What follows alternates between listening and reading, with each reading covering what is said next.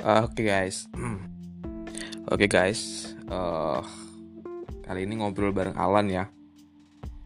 Uh, aku mau ngobrolin tentang sebuah buku nih.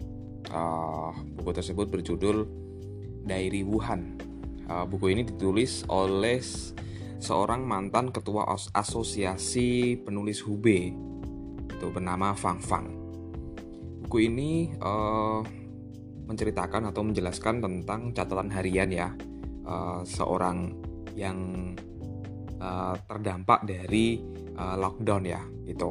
Nah kita tahu kan sebelumnya kan uh, adanya pandemi ini yang udah lama banget ya, udah ya mungkin uh, setahun kalau ya udah dua tahun inilah ya, udah dua, dua tahun ini uh, kita ngerasain adanya pandemi dan uh, kita juga uh, tahu bagaimana akhirnya kita harus berjarak sosial, kita harus mengenakan masker.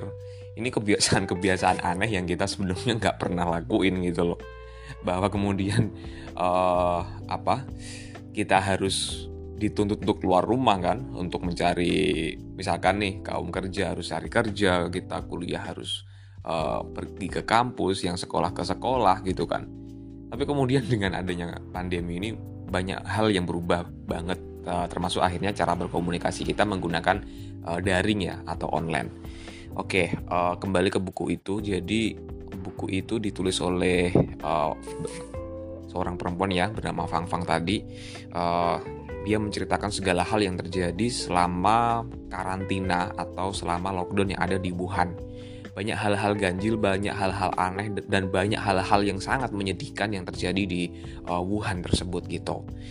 Uh, kita tahu sebenarnya awal pandemi itu muncul tuh sudah sejak uh, akhir uh, 2019 ya. Mungkin pertengahan 2019 itu sudah ada ya gejala-gejala COVID itu di pertengahan tahun 2019 itu sudah mulai ada. Yang namanya juga COVID-19 kan. 19 itu kan diambil dari kata 2019 gitu. Jadi uh, Wuhan sendiri sebenarnya udah tahu sejak tahun uh, 2019 akhir, tetapi pada saat itu uh, pemerintah belum langsung kemudian mengumumkan gitu. Ya entah ya uh, ada semacam kayak kesepakatan bersama gitu sehingga ini belum layak untuk diumumkan gitu loh, belum layak untuk disosialisasikan gitu. Gitu.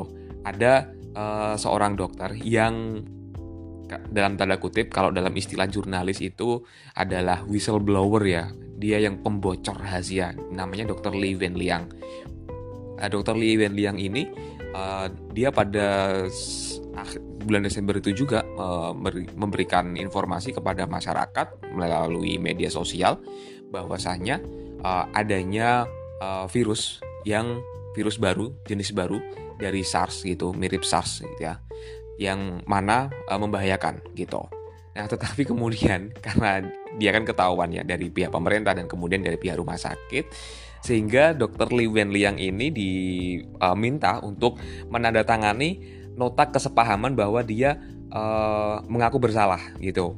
Padahal sebenarnya yang disampaikan itu udah bener gitu loh. Cuma kan dari pemerintah janganlah jangan diinformasiin dulu gitu. Nah, akibatnya apa? Karena memang uh, kekurang sigapan itu seolah-olah kayak menutup-nutupi gitu akhirnya mau nggak mau um, pemerintah dan rumah sakit itu mengumumkan adanya virus baru uh, dari SARS gitu loh yaitu adalah COVID-19 itu pada 20 Januari ya di, baru diumumkan gitu. Bayangin telat berapa hari itu. Uh, kalau dari perhitungannya Fang Fang dalam diary Wuhan itu kurang lebih telat 20 hari. Jadi baru diumumin. Dalam sekitar 20 hari itu masyarakat nggak tahu adanya COVID. Jadi mereka nggak bermasker mereka berkerumun dan lain sebagainya. Nggak tahu sama sekali gitu loh. Nah ya kita, uh, jadi setelah itu kemudian pada 23 Januari resmi uh, pemerintah Wuhan menerapkan karantina atau kuncintara atau yang dinamakan dengan lockdown seperti itu. Nah, uh, di dalam proses lockdown tersebut banyak hal-hal yang terjadi uh, keanehan atau keganjilan ya. Ya oke okay lah memang pemerintah Wuhan pada saat itu belum banyak persiapan kalau harus memang terpaksa lockdown itu gak ada persiapan sama sekali gitu kan apalagi adanya virus mereka juga nggak berharap adanya virus Gimana coba bayangin kita tahu sendiri uh, Tiongkok dengan Amerika Serikat sedang melakukan uh, perang dagang pada saat itu gitu kan. Nah, konteksnya seperti itu pada pada era itu. Kemudian uh, dengan adanya Covid ini kan justru malah uh, menjadikan Tiongkok terserang gitu loh. Artinya nilai ekonomi jelas jelas terpuruk dong dengan adanya virus ini gitu kan kan semacam aib ya. Nah oleh karenanya dari pemerintah Tiongkok sendiri benar-benar menekan, benar-benar melakukan represif uh, represif represivitivitas kepada uh, masyarakatnya atau kepada warganya uh, supaya diam supaya diam dan tidak bersuara ke media sosial, tidak bersuara ke publik bahwa virus ini sangat-sangat membahayakan. Masyarakat harus uh, selalu mensosialisasikan bahwa uh, virus ini bisa dikendalikan, virus ini bisa diobati dan lain sebagainya. Artinya virus ini aman ya. Karena kita tahu kan betapa dulu awal-awal ada COVID, uh, orang yang pengidap COVID aja sudah kayak ya kayak semacam aib ya. Bahkan sampai Dewan Pers Indonesia pun uh, menerbitkan uh, kode etik uh, bagaimana caranya uh, meliput tentang orang yang terpapar COVID. Ada di antara kode etik itu bahwa dilarang untuk menceritakan atau menjelaskan nama penyintas atau uh, korban atau orang yang terserang COVID-19 tersebut karena kan itu penyakit menular gitu kan. Kalau penyakit menular semacam ya kita tahu seperti HIV gitu kan. Kalau orang terkena itu kalau menular kan berbahaya seperti itu artinya berefek ke uh, hubungan sosial bisa dijauhi bisa didiskriminasi ini juga yang tidak diinginkan nah uh, pemerintah Tiongkok benar-benar melarang hal itu gitu loh. Jadi ya kita tahu sendiri kan uh, pemerintah Tiongkok juga banyak uh, mendelegi mendelegasikan atau bahasa lebih lebih mudah dipahami mengekspor tenaga manusianya gitu kan untuk dipekerjakan seperti itu. Nah ini kan berefek kalau misalkan TKA dari Tiongkok kemudian diekspor ke mana-mana sehingga nanti berefek pada tempat kerja mereka untuk mempertimbangkan menerima atau tidaknya mereka gitu kan. Karena kan virus tadi gitu. Jadi memang ini benar-benar aib. Uh, bahkan Fang Fang sendiri sesat dalam proses penulisannya uh, itu sering mendapatkan serangan. Nah perlu kita ketahui uh, pemerintah Tiongkok itu tidak memberikan akses kepada Google kemudian tidak juga kepada Facebook kepada Twitter WhatsApp juga tidak. Mengapa? Uh, karena memang di situ kalau aku kalau aku cek ya di beberapa uh, konten media sosial atau di berita uh, berita daring bahwa uh, untuk di Google sendiri tidak bers tidak menyetujui atau tidak bisa menyepakati permintaan atau aturan dari pemerintah Tiongkok gitu. Gitu kan.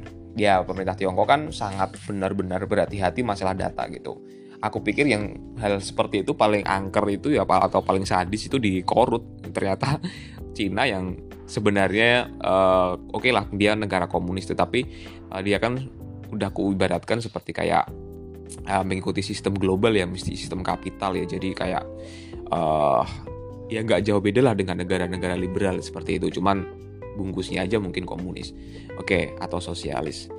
Uh, jadi Fang Fang sering mendapatkan serangan. Dan uh, Fang Fang saat setelah uh, mengunggah uh, tulisan-tulisannya tersebut di kanal-kanal yang sudah memang ditentukan oleh pemerintah Tiongkok ya karena memang Google dilarang. Sehingga uh, baik di Baidu kemudian kalau media sosialnya karena Facebook dilarang itu di uh, Weibo. Lalu untuk konten WhatsApp-nya biasanya uh, masyarakat Tiongkok itu lebih ke WeChat gitu. Nah, kenapa kenapa tidak WhatsApp, kenapa WeChat? Ya kalau anasirku pribadi sih mungkin karena sekarang WhatsApp kan sudah dibeli sama Facebook ya atau WhatsApp itu sendiri memiliki sistem namanya enkripsi end to end sehingga uh, pemerintah atau pihak lain tidak bisa uh, menyadap percakapan yang ada dalam WhatsApp tersebut. Uh, tapi aneh juga sih, kenapa pada saat uh, apa namanya, tahu kan uh, masalahnya Firsa Firsa itu Firza sama uh, Habib Rizik kan, kenapa walaupun end to end kenapa bisa juga disadap itu ya? ya kita nggak tahu ya oke okay. uh, kembali lagi ke uh, Fang Fang dan proses penulisannya tadi jadi pemerintah itu benar-benar mengontrol masalah informasi nah sebenarnya uh, Fang Fang sendiri itu dalam pernyataannya di daerah Wuhan dia mengungkapkan berada di pihak pemerintah selalu uh, ingin membantu pemerintah dan menghibur masyarakat untuk optimis dalam menghadapi uh, pandemi COVID-19 gitu. Nah, uh, tetapi memang menurut pengakuan Fang Fang, dia dia punya metode alternatif dan dia sering mengungkapkan pendapatnya pribadi gitu. Ya, oke okay lah pendapat pribadi, tapi kemudian bagi pemerintah uh, Tiongkok itu kayak ini apain sih gitu ya mungkin uh, karena saking bener-bener ini ya tekanan di dalam negara uh, Tiongkok atau khususnya di Wuhan tersebut bahwa kemudian ada yang berbeda pendapat seseorang warga gitu itu dianggap sebagai mungkin pertentangan atau uh, melawan gitu. Itu kan aneh banget sih menurut menurutku sih gitu. Tetapi kemudian Fafong tetap menulis gitu. Satu sisi memang karakter dari masyarakat Wuhan itu karakternya belak-belakan ya. Jadi kayak istilah Jawanya itu blok konsulto. Mereka selalu uh, mengutarakan apa yang ada dalam pikiran mereka, perasaan mereka. Jadi apa adanya masyarakat Wuhan itu gitu. Dan uh, apa ya tipikal masyarakat Wuhan ini terwakili oleh Fang Fang ini gitu. Jadi kayak dia uh, bebas aja ngomong gitu, walaupun dia banyak tekanan gitu. Kalau aku dulu sih Fang Fang udah uh, usia lanjut ya, tapi uh, alhamdulillahnya Fang Fang ini kalau aku baca dalam diary, diary tersebut dia tidak tidak tidak menginformasikan bahwa dirinya uh, terkena COVID ya artinya uh, alhamdulillahnya juga dia sehat-sehat saja gitu dalam proses menulisnya itu. Nah uh, di dalam dari Wuhan tersebut uh, Fang Fang menjelaskan banyak hal uh, tentang peristiwa-peristiwa uh, yang menyedihkan gitu. Uh, kadang juga jenaka gitu. Yang menyedihkan tuh begini, salah satunya uh, ada seorang uh, anak uh, berkebutuhan khusus di mana ayahnya dia uh, dipanggil untuk melakukan isolasi di rumah sakit ya atau di tempat tertentu. Nah, si anak uh, berkebutuhan khusus ini malangnya dia di rumah itu hidup sendiri gitu loh. Jadi gak ada yang ngurusin.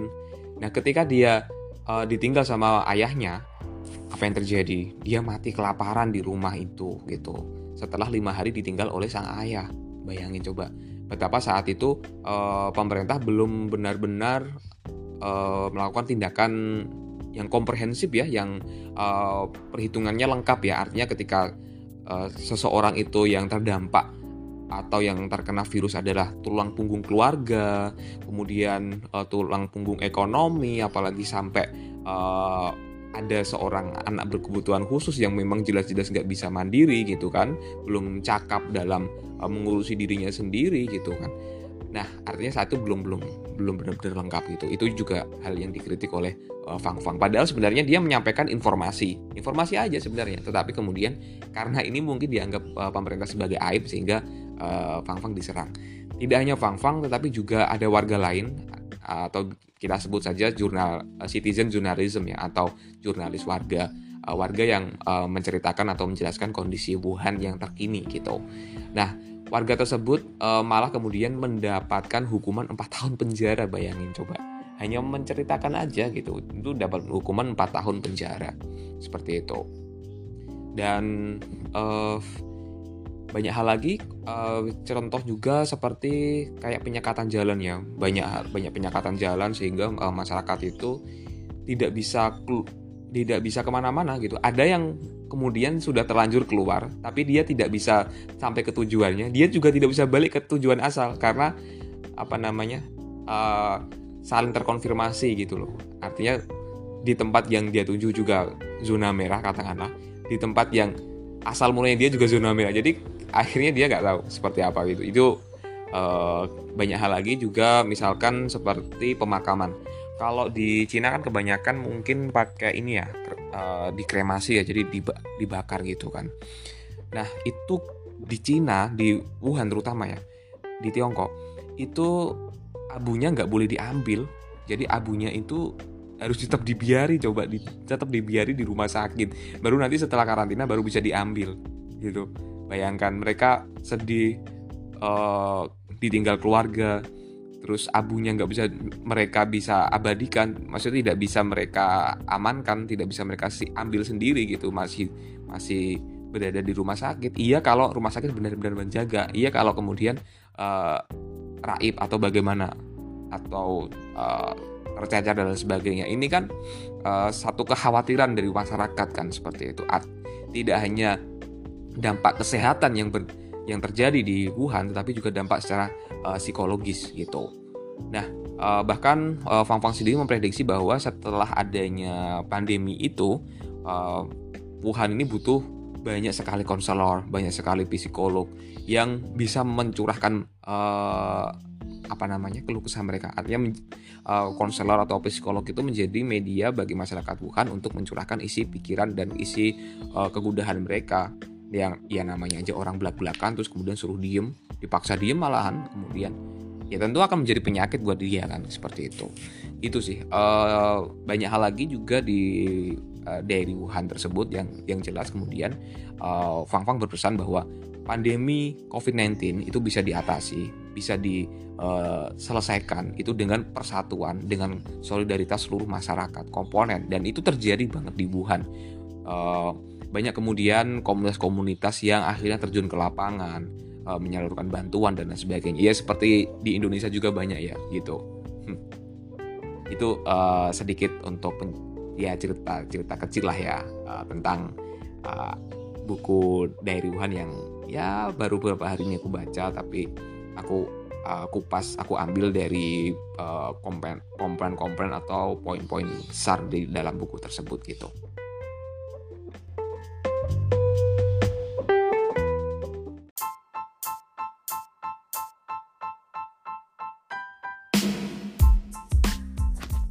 Oke okay guys, uh, kali ini ngobrol bareng Alan uh, perihal susahnya cari kerja dan susahnya kerja di era pandemi.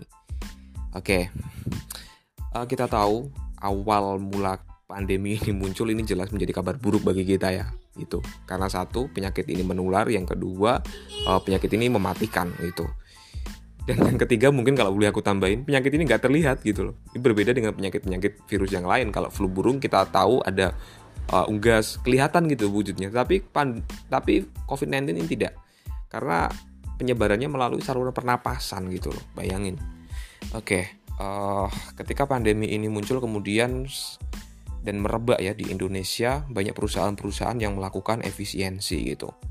Nah uh, sehingga banyak kaum pekerja uh, karyawan atau pegawai yang harus rela untuk dirumahkan karena kondisi demikian gitu kan. Karena perusahaan juga tidak mau kolaps hanya karena pandemi juga seperti itu. Tapi juga uh, para karyawan perlu juga untuk berlapang dada kan gitu. Ya mau mau tidak mau kan seperti itu. Nah uh, aku rasa walaupun adanya dirumahkan atau SPHK uh, eh, efisiensi dengan atau kebijakan-kebijakan serupa lainnya aku ya berkeyakinan bahwa masih ada lowongan-lowongan pekerjaan yang lain masih ada tempat-tempat mencari nafkah yang lain. Walaupun di tempat uh, mencari kerja kita sebelumnya mungkin uh, udah tidak membutuhin kita ya. Tapi aku berkeyakinan di tempat lain kita masih ada yang butuhin gitu. Jadi menurutku jangan patah semangat. Yang penting tetap terus mencari uh, kerjaan itu. Dan tetap uh, selalu berpositif thinking lah. Karena positif thinking itu akan mendatangkan energi kebaikan juga untuk diri kita sendiri. Kalau kita sendiri nggak yakin ya tentu saja uh, energi hal-hal yang tidak baik juga akan datang ke diri kita gitu. Jadi kembali kepada diri kita aja sih menurutku seperti itu. Lalu susahnya kerja di era pandemi. Oke, okay. ini tentu agak aneh ya. Kita sebelumnya bayangin, uh, kita nggak pernah kerja pakai masker. Aneh kan? Pakai masker itu biasanya ya di jalan, kita naik motor, kita ke mana lah ya gitu. Kita nggak pernah berpikir nggak pernah terbayang kerja pakai masker bayangin coba aneh gitu. Yang paling ho yang paling horor itu kerja pakai sarung tangan gitu loh. Karena mungkin kan takut tertular ya saking ter takut tertularnya gitu seperti itu. Oke okay. tapi mau gimana lagi kita harus uh, menyesuaikan ya harus menyesuaikan dengan kondisi. Ya salah satu salah satu sisi juga itu wujud syukur kita ya karena kita juga masih ada kerjaan dan ada juga kerjaan-kerjaan juga yang memaksa kita harus WFH ya harus uh, work from home di rumah. Ya satu sisi emang enak sih kerja di rumah tapi jujur kerja di rumah itu bosenin. Bosen ya kalau terus-terus di rumah juga gitu. Ya oke okay lah sesekali keluar rumah untuk hal-hal yang memang ya terpaksa harus kita keluar rumah dan terpaksa kita harus cari makan gitu kan untuk beli bahan pokok. Atau terpaksa keluar rumah karena memang kita benar-benar bosen di rumah. Artinya memang kondisinya dalam tanda kutip kita terpaksa gitu. Ya udah kita jalani aja uh, semaksimal kita. Dan menurutku jang, jangan terus kita merasa terlena ya dengan pe pekerjaan yang hari ini kita sedang lakuin. Karena kan apaan sih? Uh, bisa saja satu saat gitu loh kita akan terdampak efisiensi juga gitu. Itu ini kita tidak tahu gitu loh. Makanya kita terus berupaya saja. Kalau memang uh, kita belum uh, karena efisiensi masih aman-aman aja ya kita terus saja berusaha cari tempat-tempat kerja yang lain. Walaupun kita masih uh, dalam status uh, pekerja gitu di perusahaan kita. Nggak ada salahnya juga gitu sebagai uh, alternatif kalau terjadi hal-hal yang tidak diinginkan kalau teman-teman punya ide gila, punya uh, inovasi, punya keberanian, ya oke okay lah, silakan berwirausaha di era pandemi ini. Ya, tapi kita juga tahu konsekuensi uh, logisnya ketika berwirausaha di era pandemi. Bukan sebenarnya sih bukan karena virusnya yang kemudian menghambat kita tidak bisa berwirausaha, tapi kebijakan-kebijakan dari pemerintah. Ya sebenarnya tujuan pemerintah baik bagus banget untuk uh, mencegah penularan COVID-19. Nah, tetapi uh, kemudian perubahan-perubahan itu pasti berdampak, pasti berdampak kepada uh, usaha-usaha kita gitu. Ada yang usaha bisa berjalan, tetap uh, stay, tetap standby. Ada usaha yang ya terpaksa gulung tikar. Bahkan mungkin ada juga perusahaan yang malah semakin meroket ya. ya tentu saja perusahaan-perusahaan yang memang menjadi salah satu kebutuhan vital di era pandemi. Contoh perusahaan telekomunikasi, kemudian perusahaan uh, kesehatan ya pasti labanya banyak banget. Karena sekarang memang eranya uh, era daring ya era online. Karena rapat-rapat juga bisa kita lakuin lewat online. Oke. Okay. uh, tetap semangat ya guys. Nanti kita lanjutin ngobrol bareng Alan, Alan lagi. Oke. okay.